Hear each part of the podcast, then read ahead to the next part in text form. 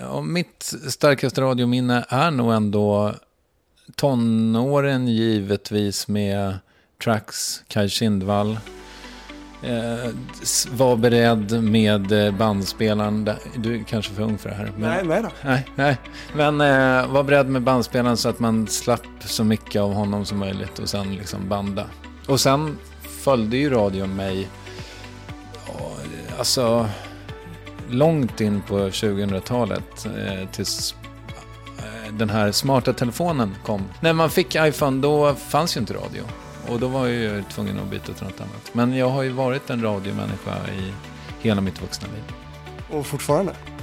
Ja, det får man säga. Jag försöker, alltså, ja, om vi räknar podd så absolut. Ja, då är jag ju verkligen det. Hur räknar du? Tycker du att du gör radio? Men det får man väl ändå säga att jag gör. Det är prat på, eh, i någon slags eter. Det, det måste ju räknas. Och här sitter jag på Kungsholmen framför den personen som har ordet värvet tatuerat på den vänstra överarmen. Kristoffer Triumf, nu kör vi Radiofabriken.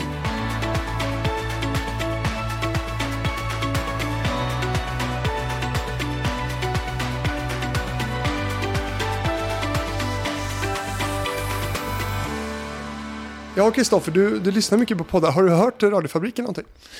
Ja, det har jag. Eh, men bara eh, i panik, nu när du skulle komma, så insåg jag att fan, jag borde nog kolla upp vad det är jag har tackat ja till. Eh, alltså, det, för, jag ber verkligen om ursäkt, men det har varit en stressig vår. Eh, så, jag har, och så har jag en tendens att tacka ja till alla som gör något slags podd. För det tycker jag att jag bör Liksom, ja, inte bara för att jag bör, utan för att jag tycker så himla mycket om mediet, så jag vill gärna vara med. Men sen också, alltså något slags payback. Folk har kommit till mig i alla år. Då tycker jag att jag kan komma till de som vill att jag ska komma. Eh, men jag känner ju till tv-fabriken och jag känner till radiofabriken. Och jag har lyssnat i studiesyfte då i, ja, låt säga fyra minuter medan jag bryggde kaffe. Och eh, var lite glad för att du var sen. Så jag hann ändå få ihop fyra minuter. Med Bibi Rödö. Ja, Bibi Röde, härlig kvinna. Ja, lite av en legend får man väl säga. Legendar. Mm. Hade du velat göra sommar? Jag känner mig inte, jag känner inte riktigt att jag har det i mig. Sen om jag skulle få frågan så skulle jag nog liksom få verka ur mig det. Men det, jag vet ju människor som, som liksom har skrivit sitt sommarprat några gånger om innan de har fått frågan. Vilka är det? Nej, men... Eh, nej, det, vet, jag bara antar. Eh, för att jag, jag, vet ju till exempel... Ja, men det finns ju människor som har föreslagit sig själva. Eh, vi behöver väl inte nämna namn, det känns lågt. Men eh, googla. Du, vi sitter här på Kungsholmen nu i din, i din eh, lägenhet här. Och då undrar man ju lite, hur går det med ateljén? Ja, det är ju så här va, att jag, ateljén är ju liksom lite mamma till värvet på ett sätt. För att jag, eh, jag hade en, en ateljé. Den kom liksom med radhuset som vi då köpte när vi flyttade till Vällingby. Och då hade jag ingen riktig eh, idé om vad som skulle ske där inne i ateljén. Så jag var liksom lite tvungen att hitta på någonting. Och, och jag var ju sugen på att göra podcast så att det, det passade väldigt bra. Men nu håller jag på att avveckla den vilket känns härligt och läskigt. Den ska hyras ut från och med eh, ja, ja, nu under hösten. Liksom. Så eh, och så ska jag börja göra podcast inne i stan. Och då, jag funderar jättemycket på om det är skadligt för mitt varumärke. Men det är i alla fall på Söder. Alltså, jag tänker att det är kanske, ja, för folk som lyssnar på andra ställen. Så jag tror att de vet, eller folk vet att Söder är väldigt, liksom, lit, fortfarande lite bohemiskt och väldigt vänster. Berätta lite om, om, om, den processen då, när du ska söka en, en ny studio att spela in i. Vad, vad är det du söker, vad vill du ha? Ja, jag har ju eh, under årens lopp liksom intervjuat på, framförallt i ateljén då givetvis, men sen har jag ju varit på eh, hotellrum och liksom eh, hyrt hus i Los Angeles och intervjuat där och varit i liksom, ja, lånelokaler eh, eh, här och där. jag har inte jättehöga krav. Du har ju lyssnat på Värvet och du vet ju att akustiken är katastrofal. Så att eh, det, vad som helst kommer ju vara bättre rent rumsklangsmässigt.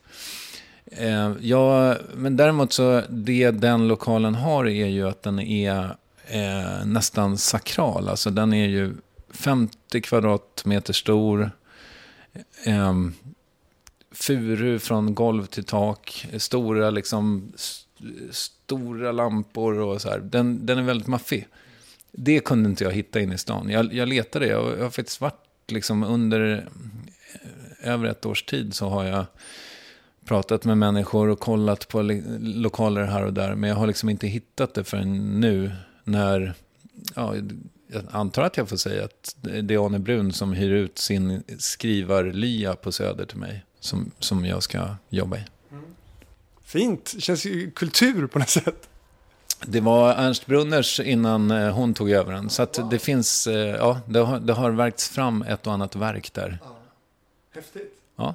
Men är det någon som har knorrat av behövt åka ut i Vällingby typ? Ja, men jag har ju gjort intervjuer inne i stan på, på gästens liksom, eh, ja, demand, vad säger man? Alltså på deras... Önskemål. Ja, precis. Enligt deras önskemål. Ja, så eh, Jonas Gardell var väl den första som bara, jag åker inte till Vällingby, det ska jag ha klart för dig, du får komma hem till mig på Söder. Eh, och det gjorde jag ju gärna. Så det var ju en ganska flådig våning får man säga att han Grattis till honom. Mm. Jag tänker mig, är den på Erstagatan typ? Jag tycker inte vi ska prata om det nu när han har så fått eh, hot från NMR eller vad de heter. Mm. Vilka poddar lyssnar du på då? Du, du var en poddkonsument. Vad, vad är det du kör för något på, på spelaren? Ja, nu skulle jag nästan vilja ha min telefon här. Eh, jag tycker ju... Alltså, tyvärr så hinner jag inte lyssna fullt så mycket som jag skulle vilja. Um, men jag vill, liksom när jag har tid och möjlighet så lyssnar jag jättegärna på Pop Culture Confidential som ju är Kristina Görling Birros eh, otroligt liksom välresearchade och välarbetade eh, podcast om människor i showbusiness, framförallt i Hollywood med omnejd. Hon är ju otrolig, liksom, vilket driv. Sen lyssnar jag ju på eh, Alex och Sigge och Filip och Fredrik och Fördomspodden. Det är mycket gubbar där alltså. Eh, men det är de som jag lyssnar, lyssnar slaviskt på. Och sen lyssnar jag ju givetvis jättemycket i research-syfte på andra intervjupoddar också. Uh, och liksom, ja men sommar, vi pratade om Bibi Rödö förut. Sommar är ju uh, en guldgruva för en researcher också. Så att, eh, det, det, är lite blandad komfort. Men, och jag önskar att jag hade mer tid att lyssna. Och nu har det precis varit eh, semester. Så då har jag hunnit lyssna i kapp. Ja. Och eh, din bakgrund då, för de som inte har total koll på dig. Du har ju varit skribent på Nöjesguiden där du gjorde en hel del eh, intervjuer också. Du har jobbat som copywriter. Eh, och eh, sen började du jobba med tv, bland annat då med, med Filip och Fredrik. Hur hamnade du där? Det är också en, faktiskt en radiohistoria. För att jag skrev ett programförslag för dem som hette Filip och Fredrik läser tidningen. Som skulle handla om nyheter. Eh, som skulle vara liksom något slags morgonshow. Eh, och de gillade idén. Det här är kanske 2008. Eh, de gillade idén men hade absolut inte tid för de gjorde, de gjorde då närradio i USA på nätterna på något jävla sätt. Eh, och hade så här, två tv-produktioner eh, gående hela tiden. Liksom. Så de gillade idén eh, men la den i någon slags hög tills de ringde 2011. Fredrik ringde och frågade ifall jag ville vara produ... Eller förlåt. Fredrik ringde och frågade ifall jag ville vara redaktör för Breaking News då. Som ju var ungefär den idén jag hade haft. Fast tv.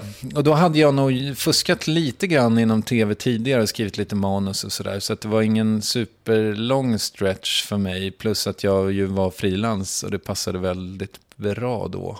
Så då gjorde jag två säsonger av det tror jag. Jag gjorde någon Filip och Fredriks årskrönika. Det är inte så framgångsrika konceptet Hissen var jag med och utvecklade från ax till limpa. Ja. Det, det låter som en, Hissen var ju ett asbra liksom format, koncept på pappret typ. Ja, det, på pappret var det väl en bra idé också, men det var ju, det är ju svårt, alltså det var ju väldigt statiskt. Uh, så, och väldigt liten yta. Alltså det var en ganska poddig idé egentligen om man tänker efter. Kunde jag skitit i att göra eh, tv av det kanske. Uh. Du, när du nämnde Filip och Fredrik och morgonshow här, jäklar, tänk, satte det igång idéer i huvudet på mig. Det hade ju varit en, en jättesuccé naturligtvis, men de skulle väl inte ha tid med det? Du, det får du nästan fråga dem om. Nu, eh, nu är de ju i något slags skede där de måste komma på vad de ska göra framåt. Så att, ja, ring dem och föreslå det. Ja. Nej, men det hade varit jätteroligt och det hade ju blivit jätteframgångsrikt säkert eh, om de hade fått det utrymmet som de behöver. Jo men absolut, och de är ju, jag, jag känner ju nästan inga som är så allmänbildade eh, och som kan prata om vad sjutton som helst hur länge som helst. Mm. Och det här idén då att du ville, det, det som du sådde då som blev värvet, så att säga. Var, när kläckte du den idén att, att, att podcast, det, det, det skulle jag vilja ha? Alltså, det var väl lite olika så här, samverkande faktorer. Eh, dels så var det ju det faktum att jag, med, när jag fick min nya telefon, innan dess hade jag väl haft någon, liksom, ja, typ Sony Ericsson eller någonting sånt, där det fanns FM-radio. Så då var jag liksom all set. Sen när jag bytte till den här nya coola iPhonen, då fanns ju inte det längre. Då var jag liksom tvungen att hitta något annat. Och då, på den tiden så, jag vet att Filip och Fredrik gjorde sin podcast tidigt, men jag lyssnade nog inte på den, utan det som verkligen fick mig hookad på mediet var ju Mark Maron och WTF som jag liksom nämner i nästan alla intervjuer jag någonsin har gjort. Men han är ju och var liksom otroligt instrumentell för mig. Och eh, som också visade liksom, in, alltså, för det, jag, jag hade inte hört intervjuer på det sättet med människor som inte inte var liksom makthavare utan som entertainers. Att man kunde prata om, om stand-up-branschen eller liksom film eller tv eller musik för den delen i en och en halv, två timmar. Det var, eh, det var omtumlande att förstå att det gick och att det var så magnetiskt. Liksom. För att även, eller nästan framför allt när jag inte visste vem gästen var så var det otroligt intressant. Även om de pratade om någon Eh, liksom alkoholiserad dörrvakt på någon obskyr standup-klubb i Chicago så var det, det hade någonting liksom. Och jag misstänkte att det borde gå att göra på svenska också. Jag vet att det fanns en kille som heter Martin Degrell som numera skriver för TV-dags hade en podcast som hette Arthur. Som, som var någonting i det häradet. Liksom. Men så att, och han var också väldigt hjälpsam mot mig. Jag snodde också den här eh, rekommendationsfrågan av honom. Eh, vilket jag är honom evigt tacksam för. Eh, nej, men, eh, som jag alltid ställer då i mina intervjuer. Eh, så att ja, det fanns liksom, det grodde i mig någon idé. Och, och då, vid, vid det här laget så var jag också ganska frustrerad efter... Jag var ju 37, 38 och kände väl lite grann att jag fortfarande var, alltså dels var jag väldigt oförlöst rent professionellt. Att jobba med Filip och Fredrik för mig eh, var eh, ganska energikrävande därför att det gick så otroligt mycket energi för mig att förstå deras vision. Eh, så att jag var inte särskilt eh, bra på det jobbet. Och då hade jag väl också haft en så här lite nedåtgående, nu nu gör jag en nedförsbacke med handen här för att, ni, för att du ska förstå Fredrik. Eh, att min reklamkarriär liksom sakta hade gått ut för. För att jag, jag försökte liksom göra karriär. Eh, jag försökte klättra uppåt, men jag så här halkade neråt sakta i, i, i graderna. Så att, eh, och liksom slutade som någon slags, ja, du vet, jag satt och skrev text till olika knappar för Absolut Vodka eller något. Liksom. Eh, på frilansbasis. Så jag var ganska frustrerad tror jag. Plus att jag hade lyssnat på någon intervju, jag tror det var med Louis CK kanske, eh, eller ja, ja, som Mark Maron hade gjort, som handlade just om så här, att när Louis då fick barn, att han kände att han var tvungen att eh, liksom ta ansvar för sin karriär. Att han inte längre kunde så här, bränna runt på motorcykeln i New York mellan klubbarna. Utan han var tvungen att ha en plan för att liksom, hans döttrar skulle genom college. Liksom. Eh, så det var väl det lite grann att jag kände att jag var tvungen att ta min karriär på större allvar. Och jag tänkte att om jag startar en podcast, då kanske det i alla fall kan eh, ge mig lite kontakter. För jag tänkte så här, ja, men jag kanske får 100-200 lyssnare per avsnitt. Det blir jättebra. För det kanske är liksom makthavare i, i tv-branschen då som jag vill liksom utvecklas inom. Och sen önskan om att vilja ha något eget, liksom, där jag fick bestämma. Och det var väldigt viktigt för mig att jag gjorde allting i början också. Det var väldigt viktigt att det var jag som hade gjort grafiken, som ju var en icke-grafik. Jag hade bara liksom startat ett, eller öppnat ett sånt fönster i, du vet, eh, textedit i datorn. Eh, så skrev jag bara värvet med versaler och drog upp det eh, i Helvete Kanoje till 72 punkter. Och så var det logotypen. Det skulle vara så otroligt enkelt. Det skulle vara så låga trösklar och jag skulle göra vignetten själv. Jag skulle göra liksom fotografierna själv. Ja, du vet, jag, skulle, jag ville göra allt själv. Och jag ville lära mig att klippa, vilket jag ju ja, fortfarande är ganska dålig på. Men i alla fall kan liksom hanka mig fram eh, på. Så. Klipper du idag? Nej, det har jag inte gjort sedan avsnitt sju tror jag. Vad hände? Nej, men jag tyckte inte det var kul. Alltså det, det var tidskrävande och jag var inte särskilt duktig på det. Och jag fann liksom inget nöje i att sitta och, och klippa bort pauser och kompa för andningar och så här. Alltså det var för tråkigt. Det tog bort liksom det roliga. Så att, eh, och då var det en mycket vänlig herre som hörde av sig och sa att han kunde göra det. Men det var ju viktigt för dig att göra allt själv. Ja, men det var liksom, det var, känslomässigt var det viktigt att för första gången i mitt liv ha någonting som bara var mitt. Jag var ju liksom lite oförlöst entreprenör också i det att jag hade jag hade liksom under många års tid så här kämpat om ja, den här radioidén för Filip och Fredrik är en, en sån. Där när de tackade nej, då liksom fortsatte jag att så här stånga huvudet blodigt med den idén med andra liksom konstellationer. Och, um, jag hade också eh, under många, många, många års tid eh, planer på att starta ett intervjumagasin som väl var Sen kom tidningen Sex som var ungefär det vi ville göra. Men jag kommer ihåg att jag skrev liksom något så här, eh, ja men du vet, en ensides säljmaterial för den här tidningen som skulle heta Porträtt. Att liksom i Pops sista nummer släppte, eller skrev Anders Lokko en 23 sidor lång intervju med Kevin Rowland från Dexys Midnight Runners. Det skulle vara kort i tidningen Porträtt.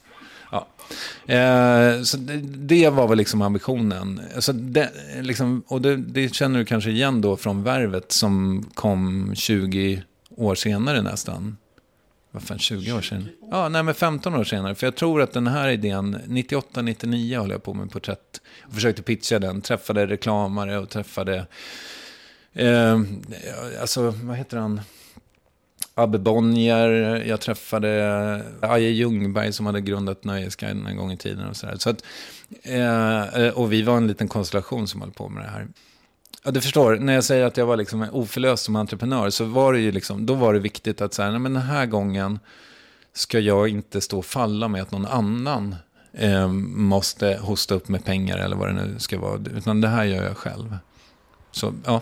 Utan jämförelse med värvet så är det ju precis så jag känner och det är precis därför jag sitter här och gör allt själv. Verkligen. Jag klipper själv också. Ja, ja men grattis till det. Men du kanske tycker att det är roligare än jag och kanske är duktigare på det än jag.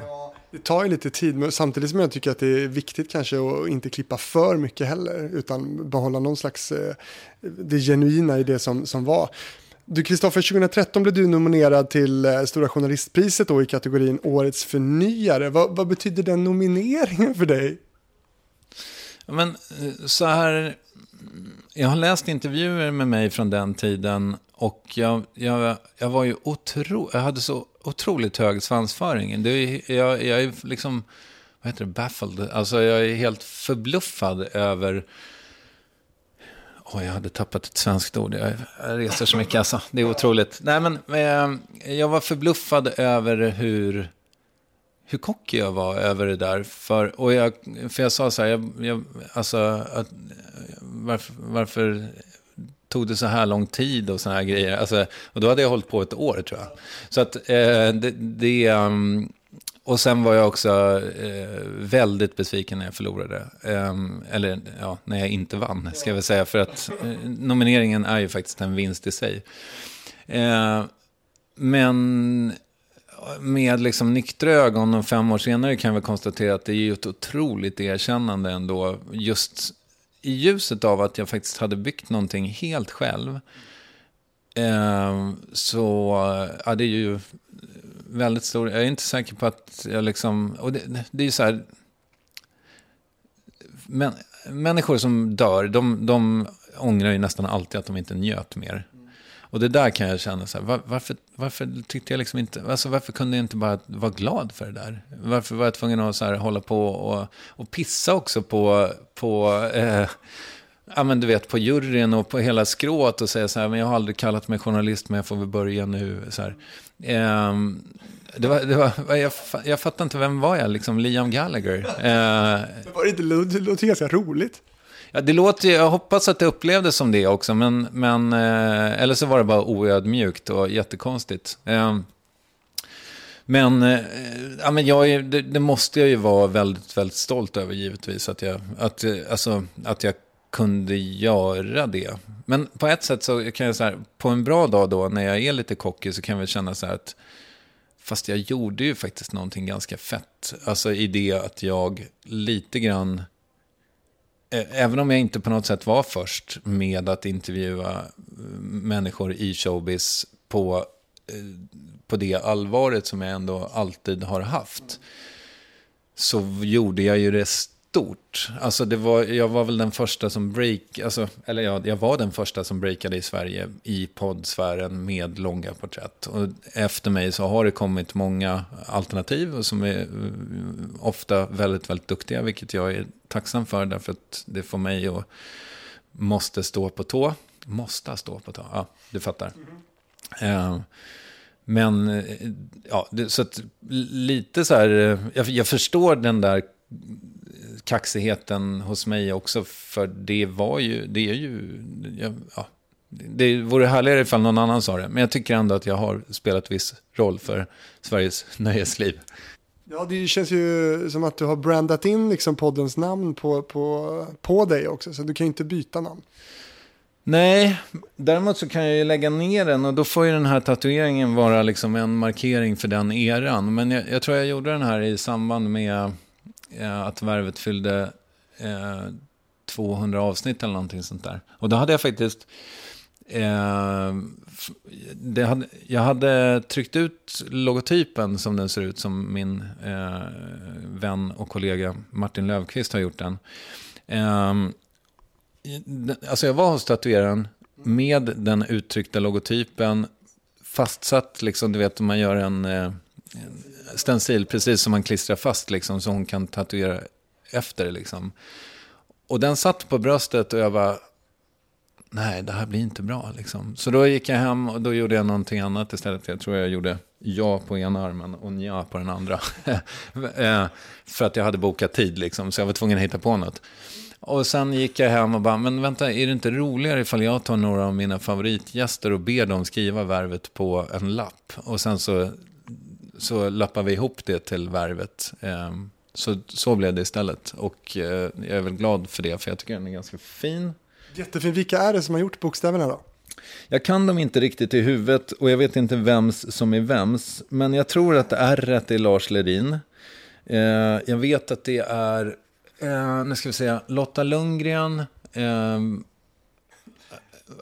Tio, ehm, men det här trodde man ju att du skulle kunna, liksom, ja, som ett rinnande. Jag har, jag har det någonstans på ett papper. Ja, men jag, jag har gjort, eh, alltså jag blev helt crazy med tatueringar ett tag. Så att jag har ett gäng. Eh, Hur många? 15 kanske, 10. Ja, någonstans där. Du som lyssnar och vill se, så vi lägger väl ut en bild på den där, i, eh, så, så kikar vi. Eh, vad heter han? Jesper eh, Waldersten har gjort det också. Och Lina Thomsgård. Ja, det där var i alla fall typ fem namn. Så nu saknas det ett bara. Ja. Jag chansar på Kristoffer Appelqvist. Intervjukung, kallar du det eh, nej, nej. Du har gjort några intervjuer i alla fall. Vad, vad, vad är det som har gjort att värvet funkar så bra? Liksom? Jag tror eh, att det eh, grundar sig i att jag är faktiskt jag vet att eh, nu finns det säkert någon som har lyssnat mycket på mig som inte håller med. Men jag tycker att i nio fall av tio, eller liksom kanske 95 av 100 fall, så har jag lyckats med hemläxan att se till att vara riktigt nyfiken.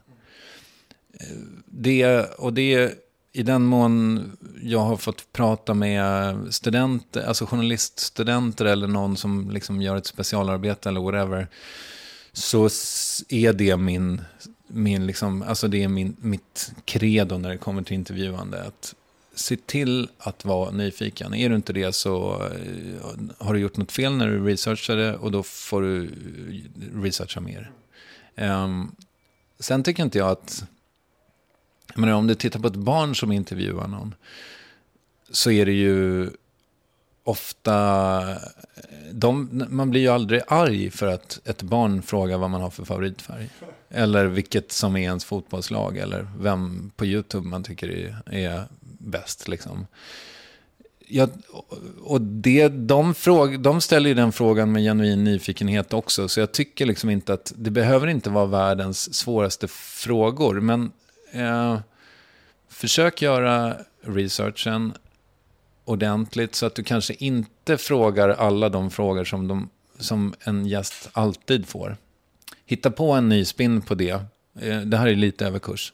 Har man nyfikenheten. Men sen så här, hur man använder researchen gör jag i alla fall så att jag tar gärna, för ofta så är det så här att jag vill jag kanske vill ha, jag vill, jag, jag vill liksom att gästen ska berätta det där för mig också, som den alltid har fått berätta. Vad det nu kan vara, hur det kändes att vinna en Oscar.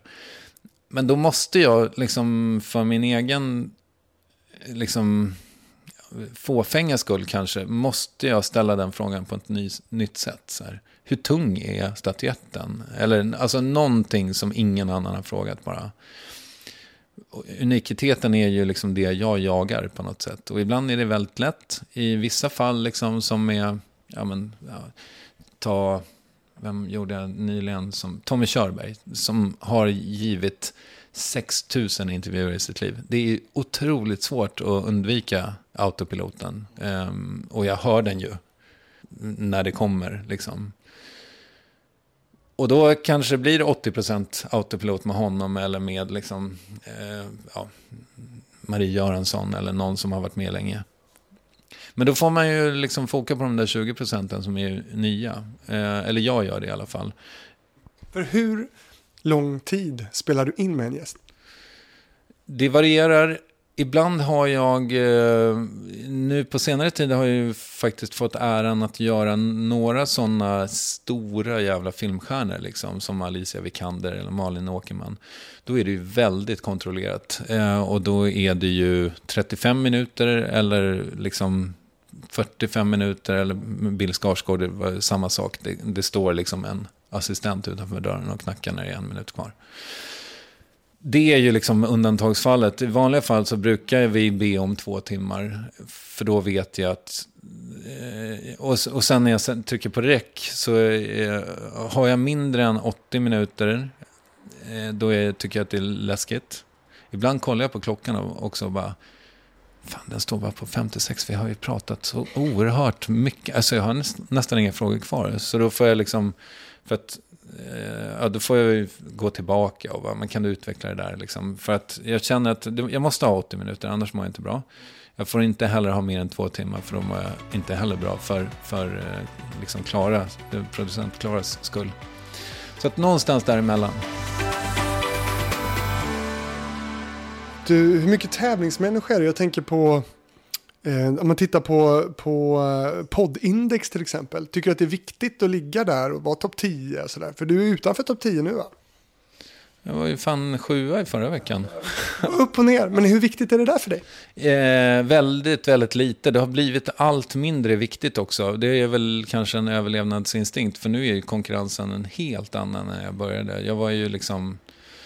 Eh, jag var ju topp tre eh, i många, många, många, många, många år. Eh, det kändes så i alla fall. Så, så pass mycket så att jag blev liksom som en tjock katt som bara så här... Ah, jag, jag, jag får mat liksom. Eh, så jag har inte, och anledningen till att jag vet att jag var sjua i förra veckan, vilket är en inaktuell siffra för de som lyssnar, men är för att min tjej har berättat det. Eh, får jag bara hämta lite mer kaffe? Ja, gör det, absolut. Hämta mer kaffe du. Du har inte börjat dricka kaffe sen vi pratade Men vet du då hur, hur många lyssnar? Ja, jag, ja jag, jag, jag vet det och jag vet eh, också ungefär hur många downloads jag har historiskt sett. Och det här tror jag numera att man kan kolla. Mm. Eh, men jag brukar, av, jag brukar vara väldigt försiktig med att prata om siffror i intervjuer av den enkla anledningen att de ligger kvar. De här jävla intervjuerna man ger, de ligger ju kvar i hundra år. Och då är det så här, om jag nu säger att jag har 70 miljoner downloads, vilket jag har ungefär. Men då kommer ju det vara superinaktuellt liksom, när den människan som lyssnar på den här intervjun om fem år 70 miljoner downloads bara, vilken jävla tant, kommer den tänka då. Eh, så det, men det har blivit väldigt, väldigt många genom åren. Eh, Galet ju, 70 miljoner. Ja, men det är någonting sånt. Eh, ja, vad ska jag göra? Jag är framgångsrik. Gratulerar. Tack så hemskt mycket. Nej, men det är, och, och, och sen fluktuerar ju så här om man pratar en månadslyssning. Mm. Och sen, sen vet inte jag, jag menar, statistiken har ju alltid diskuterats. Så ifall det är så att värvet faktiskt har lyssnats på 70 miljoner gånger, det låter ju helt sinnessjukt. Det vet inte jag. Eh, det kan ju vara så att ja men, ja men det här vet ju, och det är så tråkigt att prata om, men det kanske är så att bara det har hämtats i poddappen så räknas det som en spelning eller whatever. Jag, jag, och det, jag är inte så intresserad och inte så insatt, men jag tycker... Eh, ja, men som jag sa, fan, jag tycker inte att det är så spännande. Jag tycker så här, det viktiga för mig är att jag tycker att det är roligt att göra intervjuerna, vilket jag fortfarande tycker. Och nu tycker jag att det känns jättespännande. Jag ska byta eh, lokal. Mm. Jag tycker fortfarande att det är väldigt... Ja, men liksom själva själva sittningen. När jag känner att jag har, jag har gjort hemläxan, jag har tagit mig tid med researchen och jag har en snitslad bana som jag har tänkt att jag ska ta gästen igenom. Då tycker jag att det är underbart. När jag får ställa frågan så här, hur är läget? Och jag vet att det finns kaffe i termosen, jag har åtminstone en backup-dosa snus.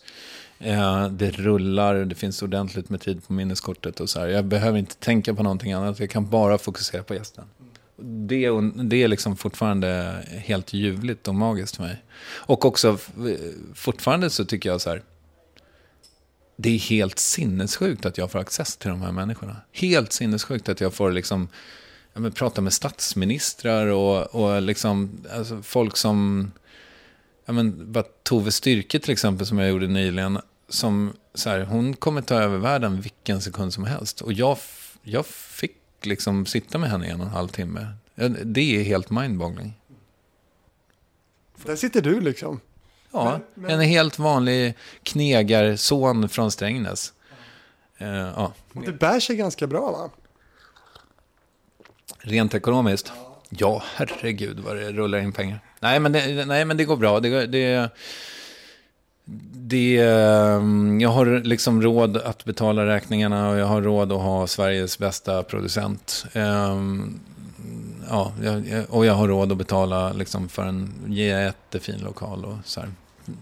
Och för de som undrar då, ditt företag Triumf ETC omsätter omkring 3 miljoner om året då. Det går bra nu? Okej, okay, ja. Det, är det mycket? Ja. Det var en hög siffra, det måste jag ju säga. Ja. ja, men vad säger det då? Alltså, det säger att det har rullat in pengar och rullat ut pengar. Uh, ja, alltså jag förstår, ja, okej. Okay. Ja. Det är också en sån sak som jag tycker är... Uh, alltså jag är ju... Jag är en ekonomisk, liksom, ett superfiasko. Jag, jo, Herregud, ja. Jag är, alltså, det är ju baksidan av att jag faktiskt är frilansare och, och eh, då, i viss mån så här entreprenör. Jag förstår inte pengar. Alltså jag, jag, förstår, jag förstår pengar, men jag är jättedålig på att ta hand om dem. Och, Vad är moms? Ja, men det är väl någonting som staten tar för allting som köps och säljs. Va? Men eh, vad tar du ut i lön? Vet du det?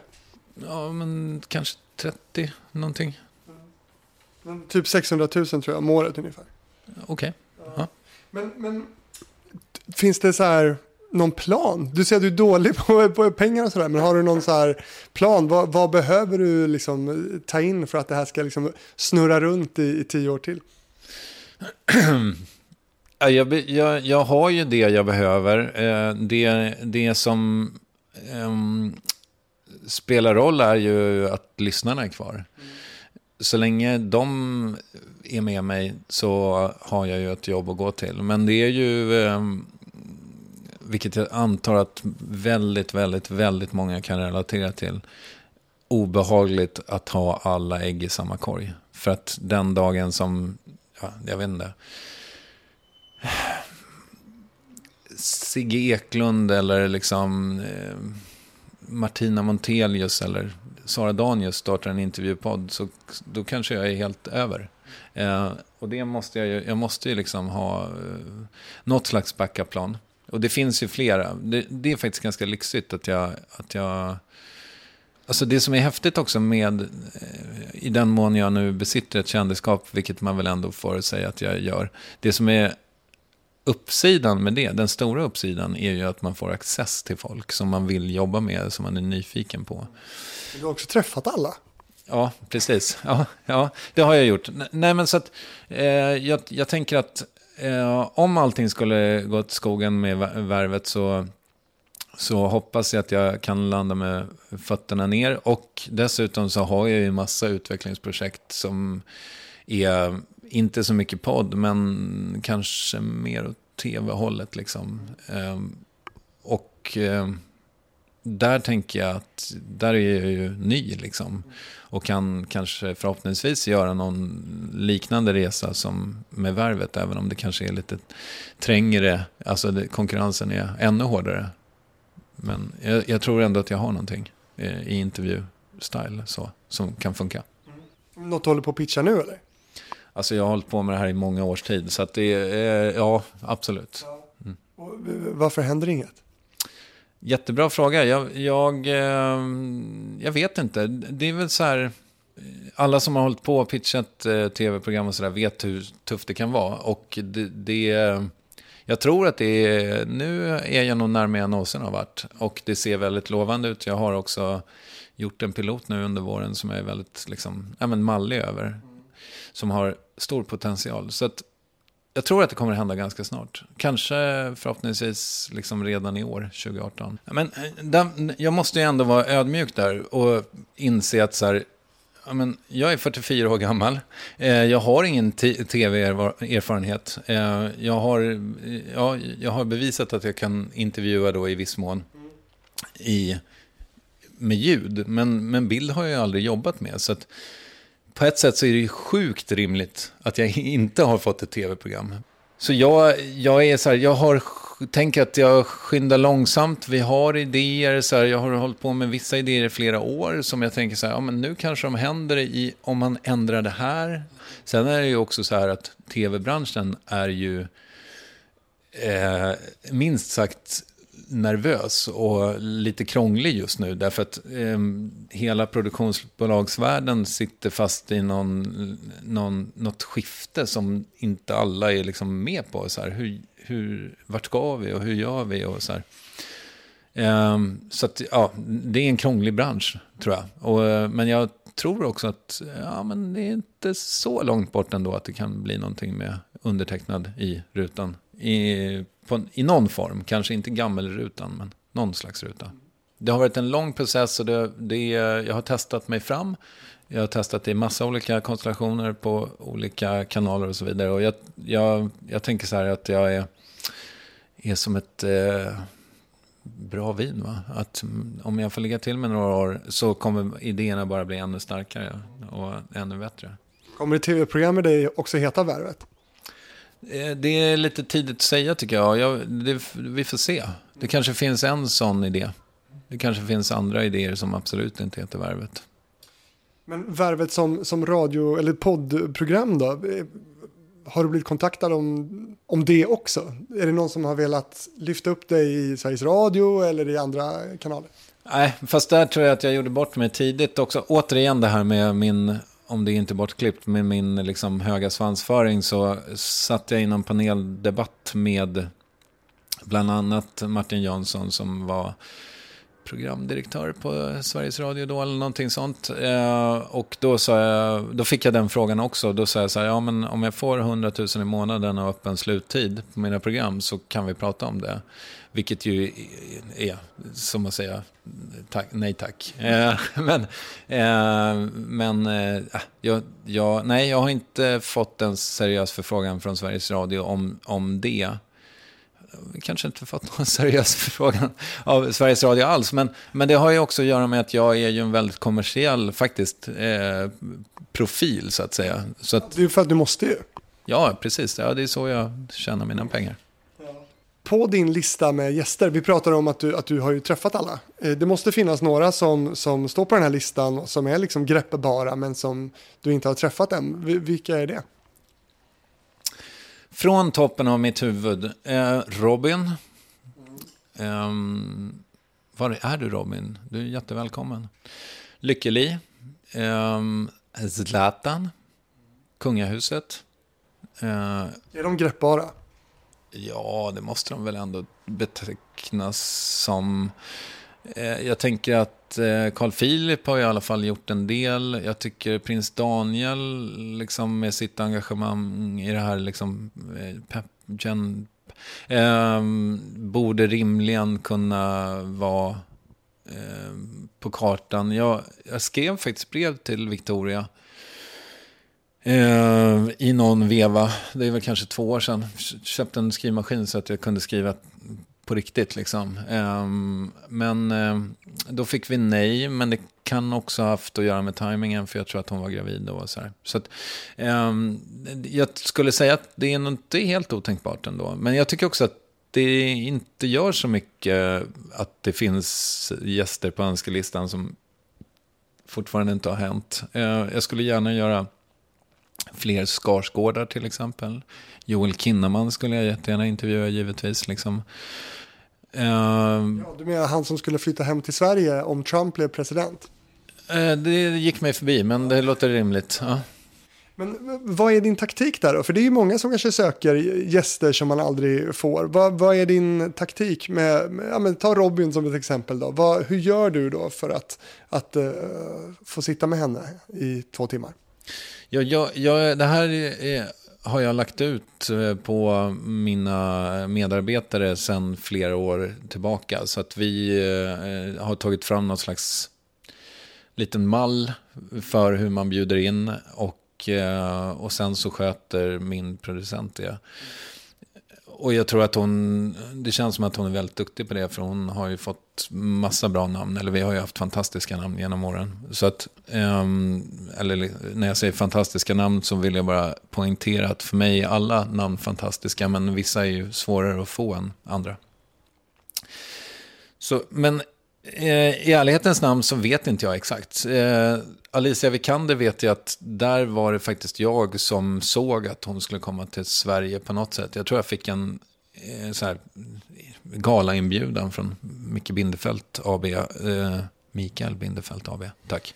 Eh, och, eh, och så här, eh, ja, men slängde mig på telefonen och kollade med Klara om vi kunde få en slott. Liksom, för jag förstod ju att hon skulle göra media. Då.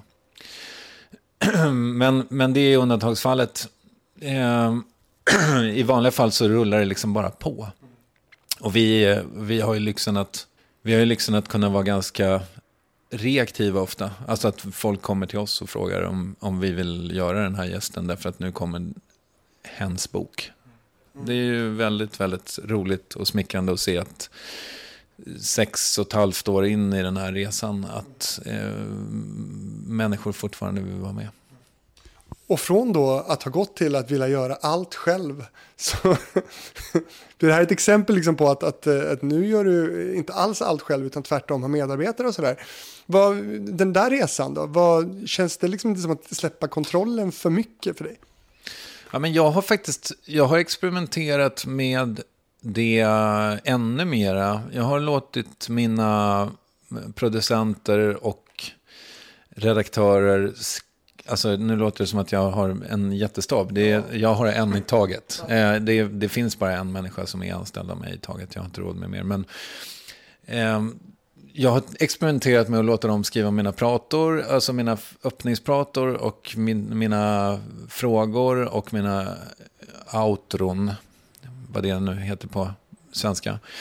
Eh, men eh, kommit fram till, alltså jag har, ja, men jag har testat mig fram och kommit fram till att vissa grejer är bättre om jag lägger ut. Som gästbokning till exempel. Eller klippning. Men andra grejer kan jag inte lägga bort. Alltså det går inte. För att jag måste eh, särskilt research och frågeskrivning. Jag, jag, jag kommer ihåg att jag hade Lovisa Olsson som säkert dyker upp i din podd förr eller senare.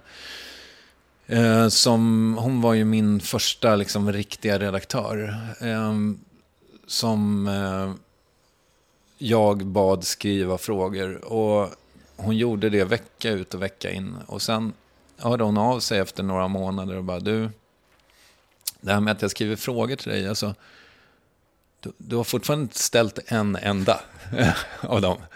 Divigt ju. Nej, det, är inte, det har inte med det att göra, utan det har mer med att göra att jag, jag upptäckte ju då, det var jättehärligt att ha som backup, för då kan jag gå till dem, eh, hängslen och svångrem. Men frågorna måste komma från mig, för det är det där med nyfikenheten igen. Den kan inte, den, jag får inte den av två A4 med frågor och, och liksom en Wikipedia-artad text, utan jag måste, jag måste förkovra mig i gästen så mycket det går, liksom rulla mig i research. Nu eh, jobbar jag med Klara Wallin vars arbete framförallt med Micke Persbrandts podcast gjorde att jag var så här, wow, kan man göra så här med ljud? Så att så har det gått till. Det, det har varit en ganska organisk process. Liksom. De gäster du träffar, vad har du för kontakt med dem innan och efter själva inspelningen? Innan ingenting. Efter i vissa fall eh, ingenting. I normalfallet ingenting. Däremot så ser vi till att gästen får liksom, ja, lyssna om de vill eller så här, eh, att de får länkar och eh, bilder och allt om de vill sprida det på sina egna kanaler. Men sen i, i vissa fall så har jag ju liksom, det kanske är för tidigt att säga att jag har fått vänner för livet, men jag har ju verkligen fått vänner i, genom mina intervjuer, eh, så här, där tycke har uppstått. Eh, Tobias från Ghost till exempel eh, har jag ju eh, haft väldigt mycket kontakt med efteråt och vi hoppas, jag hoppas också på att få göra den intervjun på engelska vid tillfälle. Ja, det, det, ja, ja, ja, Sigge Eklund kanske, som jag hängde med i New York nu, eh, när jag var där i våras. Eh. Det här med att bli vänner då med sina intervjuobjekt, även om det är efteråt, hur, hur känns det? Har, har, du, har du varit eh, tillräckligt liksom skarp mot dem då? Har du varit tillräckligt kritisk? Ja, men tycker du, du har ju ändå lyssnat på min podcast. Tycker du att det känns som att det är det kritiska som är min grej? Nej, inte riktigt. Nej, och det, det är ju kanske min akilleshäl faktiskt. Det, där, där känner jag väl att jag eh, har väldigt stor förbättringspotential. Samtidigt är jag inte säker på att om jag hade... Jag är inte säker på att det hade gått så bra som det har gjort ifall inte både lyssnaren och gästen kände att jag i någon mån är på deras sida. I vissa fall har det varit svårt.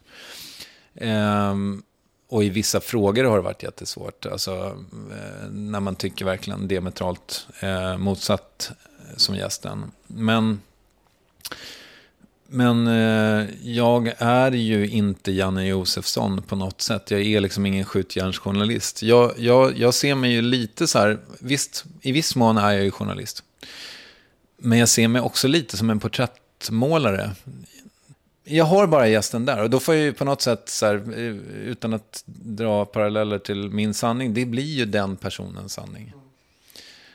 Och jag tänker att det kanske är gott nog för mitt format. Sen finns det ju jättemånga skarpa journalister, skjutjärnsjournalister, granskande journalister, väldigt begåvade människor som är jätteduktiga på att granska makthavare och sådär. Varav många eh, sitter på ditt jobb på Sveriges Radio. Liksom. Jag har aldrig sett det riktigt som min uppgift. Jag vill göra...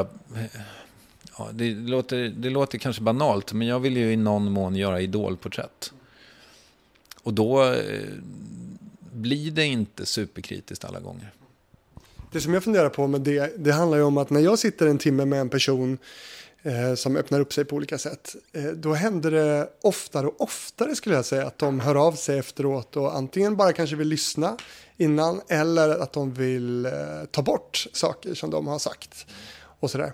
Det måste hända dig, förmodar jag, hela tiden. För där sitter ni också ganska ännu längre än vad jag sitter och de öppnar upp sig mycket. Eh, hur mycket går du med på i efterhand? Det är faktiskt eh, ganska sällsynt att den eh, diskussionen når mig. För jag har sånt otroligt stort förtroende för Klara som är producent. I vissa fall så krigar vi igenom saker vet jag. Och där, men, men, eh, och där får väl liksom... Jag, gjorde, jag, jag gör ju eh, inte helt sällan om intervjuer för att gästen känner att de har varit för defensiva eller liksom Daniel Adams-Ray till exempel? Ja, kanske. Eh, det gjorde Kanske. Det, ja, det är möjligt. Jag vet faktiskt inte. Alltså, för det här händer ju oftare än man tror. Um, att det blir två sittningar. Det lustiga är att jag tycker alltid att andra sittningen blir bättre. Alltid. Uh, Ja, men nästan helt undantagslöst. Förutom någon gång när jag hade glömt att trycka på räck och var tvungen. Och så här, vet du vad, vi tar en kaffe och en cigg och sen så går vi in och spelar in resten. Obs, jag röker inte längre, men jag kanske gjorde då. Eh, det är ju jobbigt. Men annars så tycker jag nästan För ofta är det ju också att gästen är ovan vid formatet. Även om man kanske har lyssnat på eh, Värvet någon gång så är det så här herregud, alltså, den här frågan hade jag liksom inte alls föreställt mig att jag skulle få. Jag visste inte hur jag skulle svara det och det kom ut fel. Liksom. Ja, men hur mån är du då att behålla de här goda relationerna? Nej, men återigen så ser jag det inte riktigt som min uppgift att vara... Uh, jag, jag, och det är väl där liksom som det blir krångligt då om jag ska kalla mig för journalist. För att jag, tyck, jag är på gästens sida för det mesta. Sen i vissa fall så, här, så, så vet jag att det har förekommit att vi har haft två sittningar. Och det var någonting från första intervjun som blev så pass bra. Så att då tar man den diskussionen ändå. Om vi kan använda det så mixar man liksom. De hör inte av sig till dig sådär efteråt kanske? Nej, men det är alltid, eh, ja, jo, i vissa fall. Och i vissa fall också direkt efter intervjun. Att säga, oj, eh, det där jag sa om ja, någon annan kändis, kan vi ta bort det för att, ja. Så. Och då brukar det alltid bli så. På bekostnad då av att du förlorar bra material? Ja, fast intervjun står nästan aldrig och faller med det. Att, eh, så här, alltså, man får ändå tänka på att jag, ger, jag och gästen ger lyssnaren en timme för det mesta, ish, lite mer eh, personporträtt. Och det den inte vet lider den inte av, så att säga. Att vi klippte bort det där när man sa något mustigt om eh, ja, Claes Elfsberg eller vem det kan ha varit. Hur mycket bunkrar du? Alltså hur, mycket, hur nära in på släppet spelar du in och så vidare? Det är jätteolika. I vissa fall eh, intervjuar på torsdagen och det går ut på måndagen. Liksom.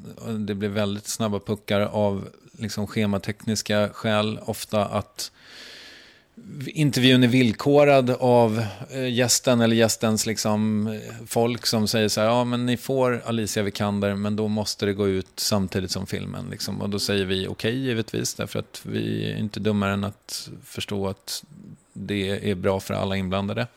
Um, i vissa fall så kan en intervju ligga kanske faktiskt i eh, två månader.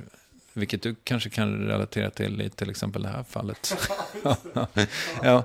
Eh, nej men, eh, och särskilt nu liksom med, eh, med lov och ledigheter och så här. Sen är ju min ambition också att göra värvet så eh, tidlöst det någonsin går. Och i den mån eh, när jag skickar korr till Klara eh, så är det ofta det.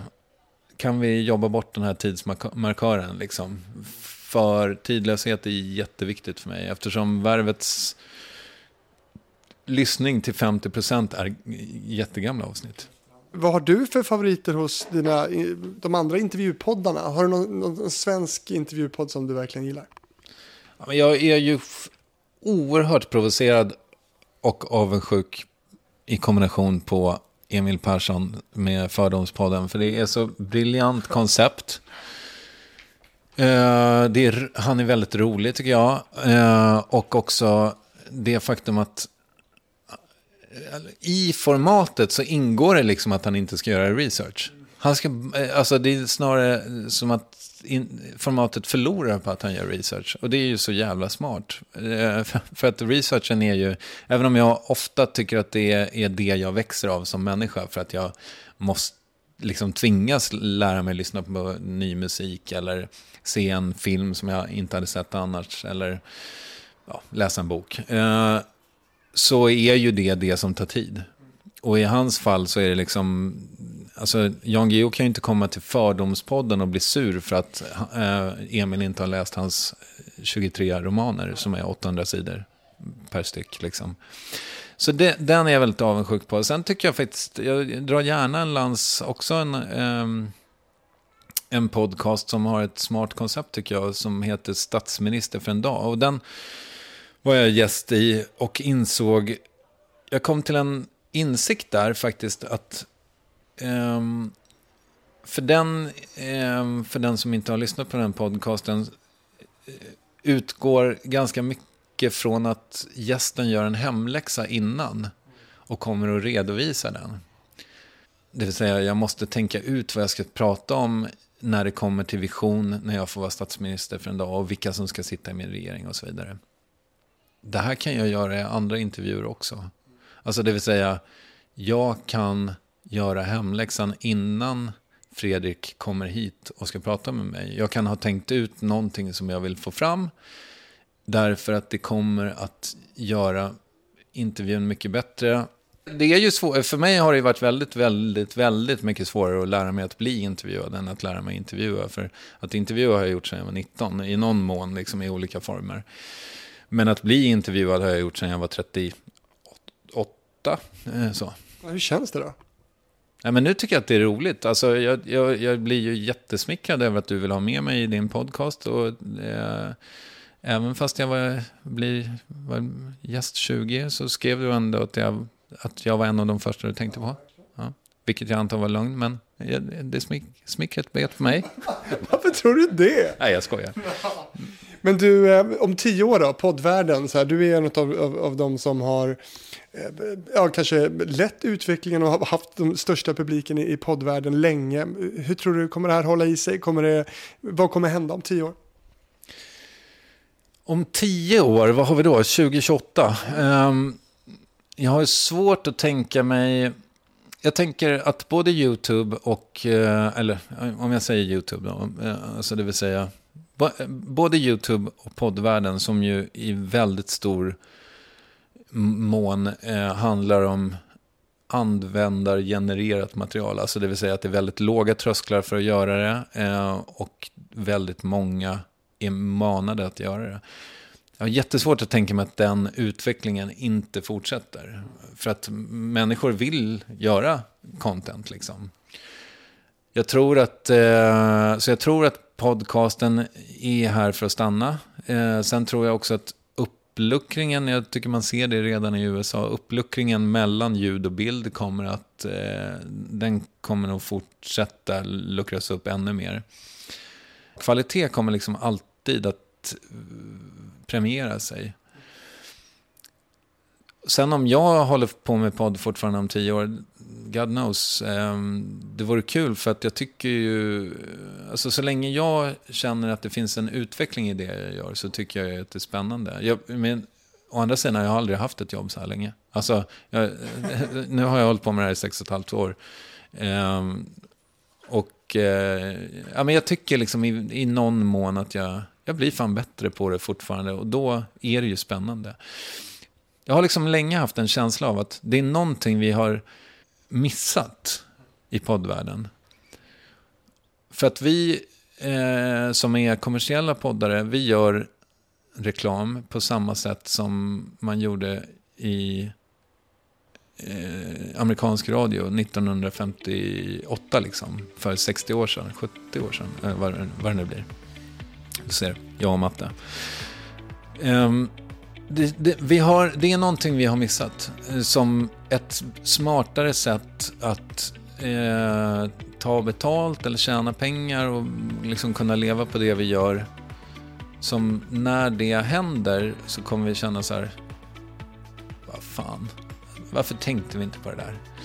Jag menar, om jag tycker att mina liksom, lyssnarsiffror har gått ner över åren så beror det ju på att eh, poddmediet har exploderat så att konkurrensen är helt annan. Och jag antar att det kommer ju vara liksom hundrafalt kanske om tio år. Och det välkomnar jag ju i viss mån därför att jag älskar liksom mediet. Och jag tänker att det är, det är bra. Um, om, om eh, det finns många som håller på med det här. För det är ju fantastiskt jävla roligt också. Men du, vad vill du rekommendera? Ställer du den frågan till alla? Nej. Bara till dig. Eh, jag vill eh, rekommendera... Just nu är jag djupt inne i, och det här kommer ju kanske... Eftersom det tar ett tag innan det här avsnittet kommer ut, men eh, så jag antar att säsongen är över då. Men jag, är, jag tänker orimligt mycket på tv-serien I'm Dying Up Here som skildrar Los Angeles stand-up-scen i mitten av 70-talet. Och det, det var, det, nu har jag sett en och en halv säsong och det är så himla kul för att nu har jag liksom förstått eh, efter att ha ätit lunch med eh, komikern Albin Olsson igår att alla de här figurerna har ju någon slags verklig ehm, eh, alltså förlaga. Och igår blev jag väldigt stolt när jag insåg att ah, men det där måste ju vara Eddie Murphy, den där unge superlovande, jätteunge komikern. Så den vill jag rekommendera. Kristoffer Triumf, vad kul att du var med i radiofabriken. Tack för att jag fick vara med. Jättekul.